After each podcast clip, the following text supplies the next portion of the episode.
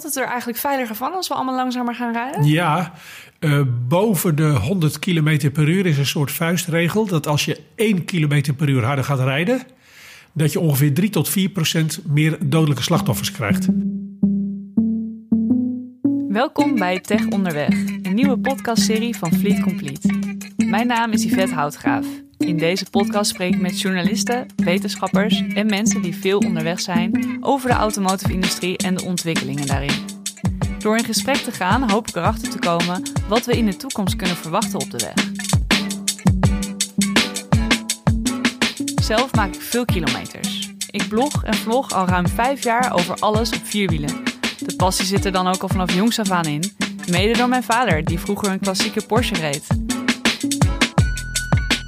In deze tweede aflevering ga ik in gesprek met Bert van Wee. Hij is hoogleraar transportbeleid, maar daarnaast ook groot liefhebber van oldtimers. Ik ben afgereisd naar Amersfoort en zit nu achter de microfoon aan zijn keukentafel. Welkom Bert. We hebben normaal gesproken altijd één vraag waar we mee starten. En dat is, wat rij je zelf? Ha, ik rij sowieso veel met de fiets, maar je bedoelt waarschijnlijk wat voor auto? Ja, het liefste wel. uh, ik heb drie auto's. Eén ehm, auto voor dagelijks gebruik samen met mijn uh, vriendin. Dat is een Skoda Fabia stationcar. Ja. En daarnaast heb ik twee uh, oldtimers, uh, twee oude Volkswagens van 1967 en van 1952. Kijk, dat is leuk. Dus ook nog wat oudjes. ja, ja en die komen af en toe uit de stalling? Of hoe ja, ik rij ongeveer 1000 kilometer per auto per jaar, schat ik. Ja. ja, toevallig dit jaar wat meer omdat ik naar Engeland ben geweest met mijn jongste zoon. En dan rij je alleen al 1000 kilometer op vakantie. Ja, nog wel meer eigenlijk. Ja. Maar het is puur voor hobby. Ja, ik kan me daar wel in vinden. Ik heb uh, zelf ook een, uh, een 33 jaar oude BMW uh, sinds kort. Die zag ik voorbij rijden, net een 3-serie, een grijze. Ja, klopt. De E30. Ja, ja, ja. ja. Bijzonder leuke auto ook. Heel leuk, dus ik snap het gevoel. Um, laten we beginnen met ja, eigenlijk een beetje de, de hoofdvraag. Hoe is het in het algemeen gesteld met de veiligheid op de Nederlandse wegen? Als je naar de lange termijn trend kijkt, heel goed. In die zin dat er nu een kleine 700 dodelijke slachtoffers per jaar in het Nederlandse verkeer vallen. Maar dat waren er in het jaar waarin het aantal het hoogst was, in 1972, waren dat er 3264. Okay. Dus uh, dat waren heel veel meer slachtoffers, terwijl we nu veel mobieler zijn. Dus als je dat uitdrukt in het risico per kilometer, is het nu veel, veel veiliger lager, dan ja. wat het geweest is. Als je kijkt naar de trend van de afgelopen twee jaren, gaat het de verkeerde kant op. Ja. Het aantal dodelijke slachtoffers neemt weer toe, mogelijk door het gebruik van apparaten. Uh, dus mensen die uh, bijvoorbeeld hun smartphone gebruiken op de fiets, of mensen die in de auto afgeleid worden door een navigatiesysteem wat ze willen Mhm. bedienen. Als je Nederland internationaal uh, vergelijkt, dan behoorden we tot een jaar of zeven geleden altijd tot de drie meest veilige landen van de EU. Maar dat zijn we niet meer. We glijden eigenlijk af. We staan nu afhankelijk van waar je naar kijkt op plek 7 a plek 8. Dus eigenlijk verliezen we het ten opzichte van een aantal andere landen die ons uh, inhalen. En waar zou dat aan kunnen liggen dan, denkt u? Uh, mijn algemene beeld is dat verkeersveiligheid niet meer zo'n hoge beleidsprioriteit heeft. Maar er zijn vele jaren geweest van ja, we volgden gewoon de Europese ontwikkelingen en voor de rest waren er niet zulke hoge ambities. Op papier wel, maar niet in de praktijk. Met de invoering van 130 km per uur op snelwegen als voorbeeld. Ja, wat nou ook weer teruggaat natuurlijk naar beneden. Ja, maar puur om juridische redenen. Ja, niet, niet per se voor de veiligheid. Nee. Zeker niet voor de veiligheid. Wordt, um, wordt het er eigenlijk veiliger van als we allemaal langzamer gaan rijden? Ja, uh, boven de 100 km per uur is een soort vuistregel... dat als je 1 km per uur harder gaat rijden... dat je ongeveer 3 tot 4 procent meer dodelijke slachtoffers krijgt. Dus als we bijvoorbeeld allemaal 105 zouden rijden in plaats van 115... Ja, dan mag je toch wel uh, een flinke daling verwachten van het aantal dodelijke slachtoffers op snelwegen. Ja. Maar dat is dus zeker niet de reden. Het gaat nu eigenlijk, ja, men zegt dan om de natuur. Zelfs daarvoor helpt het nauwelijks. Die verlaging van de maximumsnelheid helpt ongeveer 2 tiende procent van de neerslag van stikstof op de natuur. Maar daardoor kunnen wel een aantal bouwprojecten weer doorgaan. Dus dat is de eigenlijke reden. Ja, dus eigenlijk gaat het om geld. Ja, ik vind die problematiek van de, van de bouw die stil ligt niet alleen een financiële kwestie. Het is natuurlijk ook heel vervelend voor die bedrijven die zouden failliet kunnen gaan. Ja, de mensen, mensen die, die zouden hun baan kunnen verliezen. Woningen worden te laat opgeleverd. Dus ik, ik zou het niet zo plat willen slaan dat het alleen maar geld is. Maar natuurlijk speelt geld wel een belangrijke rol. Ja. En wat gaat nou bijdragen aan een veiliger wegennet? Is dat de, de rol van technologie? Want aan de ene kant uh, is er net gezegd dat we juist door bepaalde technologie, uh, bijvoorbeeld de mobieltjes en andere systemen, meer afgeleid zijn. Maar kan het ook een positieve uitwerking hebben? Jazeker. We verwachten dat als op termijn er auto's komen die zelf rijden, dat dat uh, zeker gunstig is voor de verkeersveiligheid. En, Want, en waar, wat ik ben altijd heel benieuwd, we, we hebben het hier natuurlijk vaker over, uh, de autonome auto. Wanneer gaat dat nou echt gebeuren? Ja, dat is een, uh, zeer terechte vraag. Eerste varianten heb je natuurlijk nu al. Ja. In Amerika wordt er in sommige steden al autonoom gereden. En je hebt al bepaalde taken die Tesla's van je overnemen, om maar een voorbeeld te noemen. Ja. Uh, als het gaat om het eindbeeld, waarbij je van deur tot deur volledig automatisch kan rijden op het hele Nederlandse wegennet. Nou, dan moet ik eerst nog zien of het überhaupt gebeurt. En als het al gebeurt, gaat het nog vele tientallen jaren duren.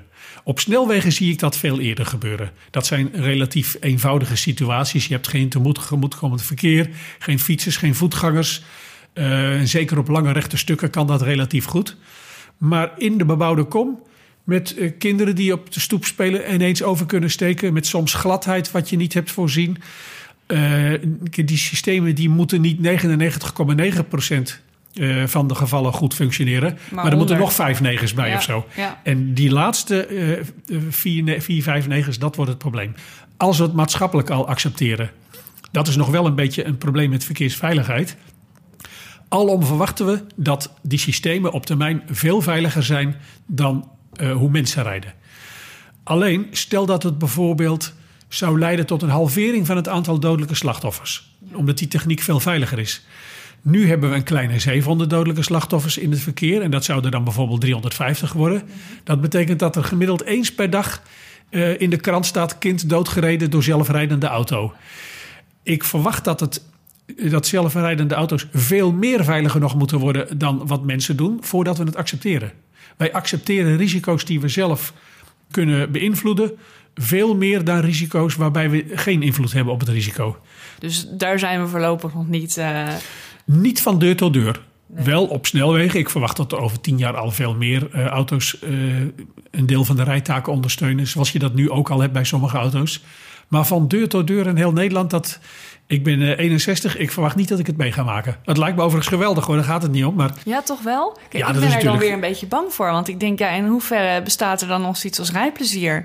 En wordt het een keuze om voor zo'n autonome auto te kiezen of wordt het je opgelegd? Dat vraag ik me ook af. Ja, dat is een terechte vraag. In een lange overgangsfase wordt er natuurlijk niets opgelegd. Want dat zou dan op een gegeven moment betekenen dat je alle auto's moet verbieden die nog niet die systemen hebben.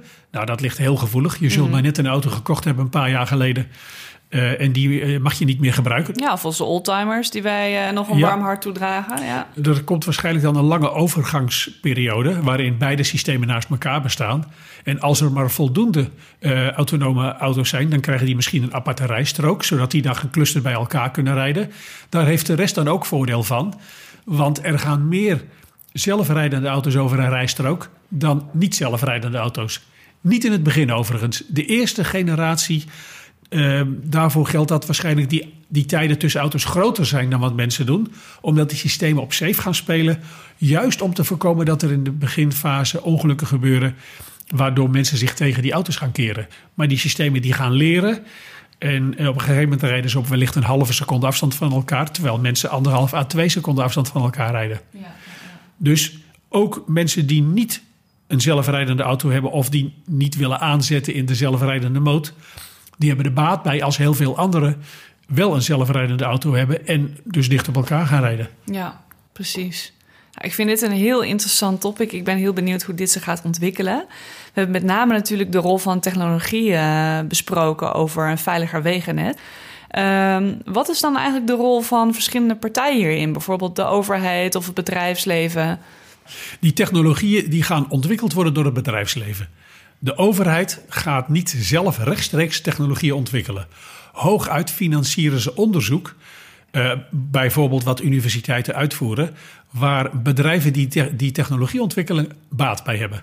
Maar de overheid is wel een cruciale partij, want die moet bepalen of en wanneer en waar dit soort systemen worden toegelaten. Mhm. Dus er gaat niets gebeuren op het gebied van zelfrijdende auto's als de overheid niet zegt: wij zijn hiermee akkoord. We zijn aan boord, ja. Ja, dus de overheid is wel degelijk in de lead. En uh, welke maatregelen kunnen bedrijven dan treffen om ja, hun medewerkers veiliger onderweg te laten zijn? Ja, dat is een, een lastige vraag. Uh, wat moet een bedrijf er zelf aan doen? Zij zouden natuurlijk, zodra er dit soort systemen zijn, uh, kunnen zorgen dat mensen uh, auto's gaan leasen. Want het bedrijfsleven heeft natuurlijk vooral leasewagens die met die systemen zijn uitgerust. Nu al zie je dat bedrijven soms zeggen: je mag alleen nog maar een auto kopen met specifieke zuinigheidslabels. En anders mag je die niet meer uh, leasen. Ja. Dat kan je natuurlijk ook doen met veiligheidssystemen, waarbij bedrijven zeggen: uit oogpunt van maatschappelijk verantwoord ondernemen. Of om onze eigen werknemers te beschermen, willen we dat die met de meest veilige systemen rijden. Dat zouden die uh, bedrijven kunnen doen, doen, zodra die op de markt zijn. Bijvoorbeeld zo'n autopilot die automatisch kan remmen en afstand houdt en dat soort functies. Ja, en daar komt nog eens bij dat bedrijven daar bij een deel van het personeel ook baat bij hebben, omdat die mensen dan hun reistijd productief kunnen maken. Ja. Dus uh, ja, ja, iemand met een hoog uurtarief, een consultant, als die in de auto kan werken, dan bespaart dat natuurlijk heel veel tijd. Ja, en tijd is, is geld. Efficiënt. Ja. Dus ik, ik gok dat de motivatie van werkgevers eerder nog gaat zijn dat die mensen dan hun tijd productief kunnen maken, dan dat ze zo bezorgd zijn om de veiligheid van hun mensen. Maar zijn we over tien jaar uh, überhaupt nog wel zo mobiel als nu? Als je kijkt naar het niveau van afzonderlijke uh, verplaatsingen van mensen, gaat er waarschijnlijk veel veranderen. Um, nu al zie je, ik heb bijvoorbeeld vrij veel Skype-afspraken van het type waarvoor geldt dat voorheen mensen naar mij toe uh, kwamen. Ja. Maar er zit één hele grote adder onder het gras. Als je kijkt naar alle tijd die wij besteden aan reizen van alle Nederlanders, is die door de tijd gezien heel constant. En niet alleen in Nederland, ook uh, overal ter wereld. Overal ter wereld besteden mensen, als je naar een grote groep kijkt, ongeveer 60 tot 75 minuten per persoon per dag aan reizen. Dat doen Nederlanders, dat doen mensen in de Verenigde Staten, in Japan, in Zimbabwe. Overal waar er onderzoek naar is uitgevoerd, komen ze daarop uit. En dat is nu zo, maar dat was ook uh, 40 jaar geleden zo. En er zijn zelfs historici die hebben geprobeerd dagboekjes te reconstrueren van mensen van 2000 jaar geleden. Toen liepen ze alleen nog maar, of hooguit per paard uh, ja. verplaatsten ze zich. En ook daar kwamen ze daarop uit. En dat betekent dat er wel door bijvoorbeeld Skype, uh, mogelijkheden van informatie- en communicatietechnologie, dat we andere dingen op andere plekken doen. Maar dat betekent niet dat we minder tijd gaan besteden aan reizen. Bijvoorbeeld als we twee dagen in de week thuis zouden kunnen werken, omdat we een heleboel afspraken elektronisch kunnen doen, ja, dan ja. accepteren we een baan verder van onze woning. Want we hoeven nog maar drie keer per week. Dus onder de streep zullen mensen over 20 of 30 jaar vrijwel zeker evenveel tijd besteden aan reizen als dat ze nu doen, maar wel op een andere manier. En wordt het dan uiteindelijk toch nog rustiger op onze wegen? Of neemt die drukte alleen maar toe of blijft het hetzelfde? Wat is daar de verwachting in? Ja, er wordt uh, periodiek uh, aangerekend. Onder andere door het Centraal Planbureau en Planbureau voor de Leefomgeving. En uh, de verwachting is dat als je naar de totale Nederlandse bevolking kijkt, dat er nog wel onder de streep wel mobiliteit bij komt. niet meer zo heel veel. De bevolkingsomvang groeit niet meer zo hard. Um, op een gegeven moment gaat er zelfs krimp optreden. En dat is nu in een aantal regio's al het geval. Um, dus de grote groei die we hebben gezien sinds de Tweede Wereldoorlog, die mag je niet doortrekken naar de toekomst. Um, je ziet ook dat op de, de afgelopen jaren de trein uh, aan marktaandeel heeft gewonnen. Ja. Uh, de auto is uh, minder hard gegroeid aan het gebruik van de trein. Als je dan kijkt naar de drukte op de wegen, dan is dat behoorlijk onzeker. Het Nederlandse wegennet zit zeker in de Randstad en een aantal gebieden aansluitend op de Randstad, Brabant, Gelderland, behoorlijk vol. En dat betekent dat een paar procent meer autogebruik kan tot een flink verschil in files leiden, maar een paar procent minder dus ook. Op lange termijn denken we dat zelfrijdende auto's de files doen afnemen. Eerst doen toenemen en later doen afnemen. Alleen de verwachtingen zijn nu lang niet meer zo hoog gespannen als dat ze bijvoorbeeld uh, tien jaar terug waren. Toen waren er studies die suggereerden dat de files zouden gaan halveren. De meest recente prognoses zijn dat files misschien een procent of tien gaan afnemen. Dat lijkt gek, want je denkt die auto's kunnen korter op elkaar rijden. En als je elke uh, seconde op elkaar rijdt met een zelfrijdende auto versus elke twee seconden met een gewone auto, denk je twee keer zoveel capaciteit. En dat is ook wel zo op een lang recht stuk. Maar niet eh, op ingewikkelde netwerken zoals in de Randstad. Met allerlei knooppunten, invoegen, uitvoegen. En die zijn de bottleneck voor files. Kunnen we op een of andere manier niet het uh, openbaar vervoer nog aantrekkelijker maken dan dat het al is? Het openbaar vervoer alleen maar aantrekkelijker maken, dat is lang niet zo gunstig als de alternatieven minder aantrekkelijk maken. Stel dat we het openbaar vervoer in Nederland goedkoper of zelfs gratis zouden maken, dan gaan er wel veel meer mensen met bijvoorbeeld de trein. Maar slechts een klein deel van die extra treinreizigers, dat zijn mensen die anders met de auto waren gegaan. Op de eerste plaats krijg je dat mensen die toch al met het openbaar vervoer zouden gaan, die gaan vaker en verder. Dat zien we bijvoorbeeld ook aan studenten eh, die eh, gratis mogen reizen met de trein. Als je mensen van de auto in de trein wilt eh, krijgen, dan helpt het veel beter om de auto minder aantrekkelijk te maken. Dat betekent niet dat je niks aan de- trein hoeft te doen. Eh, hier en daar hebben we flinke capaciteitsproblemen, zeker in de randstad tussen de grotere steden. Alleen de standaardreactie, dus moeten er meer rails en meer treinen en langere perrons komen, is niet zo verstandig. Althans, niet als je dat economisch bekijkt. Want er is maar een hele korte, hele drukke periode in de trein. Anders dan op de snelweg. De verschillen tussen de spits en dal bij de trein zijn veel groter dan op de snelweg. Ja. En dat zou betekenen dat je heel veel geld gaat investeren voor een korte periode. Wat je veel beter kan doen, is zeggen: die allerdrukste periode, en dat gaat vooral s ochtends om kwart voor acht tot half negen, die maken we duurder en de rest maken we goedkoper. Dus je kan zelfs binnen de splits, blijven rijden, maar dan moet je toch wat eerder of wat later gaan. En dan kan je zo tientallen procenten treinreizigers uit die drukste periode halen. Dus ik zou zeggen, eh, je moet niet klakkeloos denken, heel veel geld investeren in het openbaar vervoer.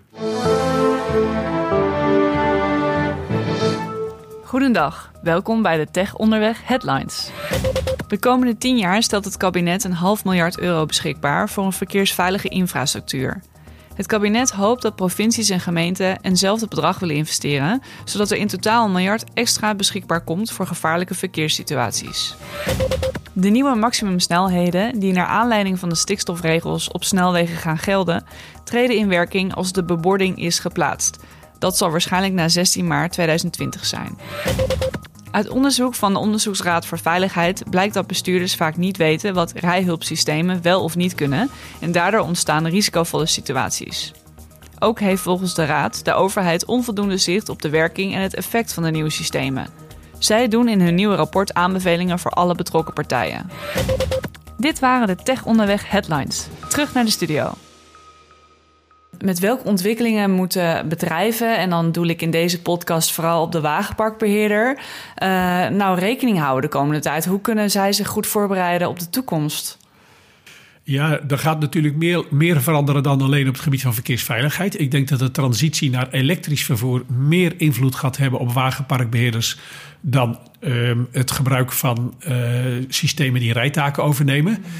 Eh, en dat komt om je, je rijdt elektrisch of je rijdt niet elektrisch. Dat is een grote sprong in één keer. Al heb je wel hybride auto's als tussenvariant. Ja, de plugins, ja. Ja, maar die eh, veiligheidssystemen die gaan veel geleidelijker aan eh, hun intrede doen in wagenparken.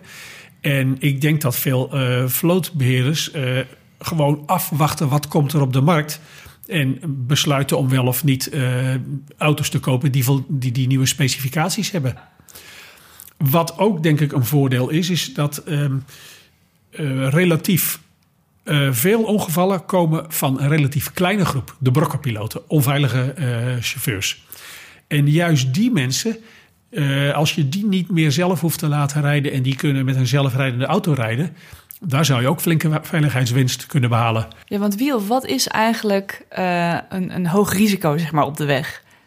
Laat ik beginnen met eh, de opmerking dat eh, snelwegen veel en veel veiliger zijn per miljard kilometers dan overige wegen buiten de bebouwde kom. Provinciale wegen met bomen erlangs, met tegemoetkomend verkeer of landelijke wegen, plattelandswegen, die zijn veel gevaarlijker. Ondanks dat je harder rijdt eh, op snelwegen. Ja.